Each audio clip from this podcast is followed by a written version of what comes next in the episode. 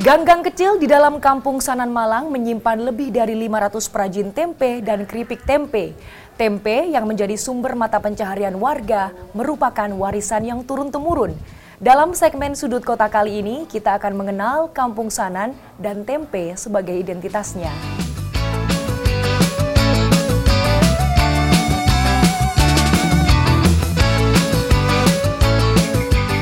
Kesibukan para produsen tempe dan keripik tempe di Kampung Sanan, Kelurahan Purwantoro, Kecamatan Blimbing, Kota Malang, Jawa Timur tidak mengenal siang dan malam. Pembuatan tempe di kampung ini sudah dilakukan beberapa generasi sejak masa kolonial Belanda. Di sini dulu ada pohon sono keling. Nah, orang Jawa bilang sono keling akhirnya lebih praktisnya sebut sanan gitu. Nah itu awal mula kamu sanan kami. Tapi kalau awal mula tempe itu memang dari turun temurun dari orang tua kita yang dulu-dulu. Jadi warisan nenek moyang kita. Jadi kita sebagai generasi kita cuma meneruskan. Sekitar tahun 1986, Kampung Sanan akhirnya ditetapkan sebagai sentra tempe dan sekitar tahun 1990-an ditetapkan sebagai sentra keripik tempe Pengurus paguyuban dan kelompok sadar wisata pun mengembangkan paket edukasi bagi para pengunjung. Turun-temurun, jadi mulai sejak kecil saya sudah diajari membuat tempe sama sekolah. Jadi paginya sekolah, kepulang sekolah diajari membuat tempe. Dulu ya cuma kita melayani, kita melayani jual ke pasar aja dengan adanya kampung wisata ini banyak konsumen yang datangan dari mancanegara juga dari luar kota, luar luar pulau. Kini jumlah produsen tempe dan keripik tempe mencapai 536 orang. Kebutuhan kedelai di setiap harinya sebanyak 25 hingga 30 ton dengan perputaran uang mencapai 3 hingga 4 miliar rupiah. Dalam satu industri rumahan ada tiga orang tenaga kerja. Di balik nikmatnya rasa tempe, ada waktu sekitar empat hari yang dibutuhkan untuk produksi.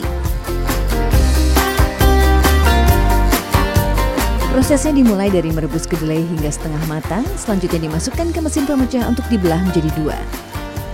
Setelah itu kedelai dipisahkan dari kulit arinya dan direndam dalam air selama sehari semalam.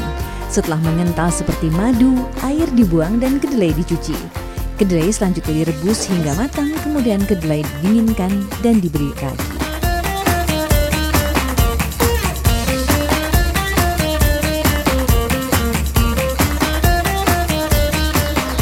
Proses peragian ini ternyata melelahkan karena harus mengaduk sampai rata kedelai seberat sekitar 75 kg selama kurang lebih 10 menit sampai merata. Jadi harus dilempar, diaduk, Tarik. ditarik.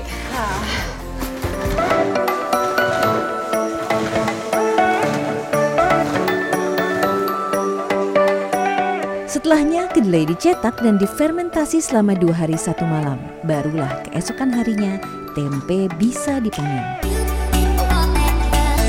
Bentuk dan kemasan tempe beragam tergantung permintaan konsumen. Ada yang dikemas plastik dan daun, ada pula yang berbentuk bulat untuk diolah menjadi keripik tempe. Produk tempe dan olahan tempe dari kampung sana dijual di pasar-pasar induk di toko depan rumah, toko oleh-oleh, dijual online dan juga menerima pesanan dari dalam dan luar negeri. Keripik tempe pun tersedia dalam beberapa rasa. Bagi wisatawan, rasa keripik tempe sanan enak di lidah dan ramah di kantong. Spesifik renyah, enak gurih gitu. Dan di sini kalau mau rasa yang lain ada, tapi saya sukanya yang original. Ibu beli buat apa? Buat oleh-oleh keluarga di Jogja. Selesai membuat tempe, limbah air rebusan kedelai dan kulit ari kedelai dimanfaatkan untuk pakan dan penggemukan sapi. Kini sekitar 500 ekor sapi di kampung ini bisa gemuk dalam waktu 3 hingga 4 bulan saja. Tak cukup hanya memproduksi tempe dan keripik tempe, sejumlah warga juga memproduksi stik mendol. Camilan ini terbuat dari tempe yang diparut dan dicampur dengan tepung terigu, tepung tapioka, telur, serta aneka rempah-rempah seperti bawang putih, lengkuas, jeruk purut, kencur, dan cabai rawit. Harganya hanya Rp8.000 untuk ukuran 2 ons.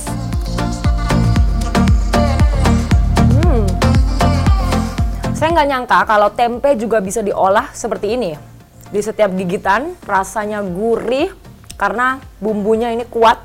Kemudian ada sedikit rasa pedasnya. Dan stik mentol ini bisa dinikmati sebagai camilan atau pendamping nasi rawon. Hmm, renyah. Tantangan yang sering kali dialami para produsen tempe adalah ketersediaan bahan baku kedelai dan harganya yang fluktuatif. Kanza Tamarindora, Heru Sudarmanto, Malang, Jawa Timur.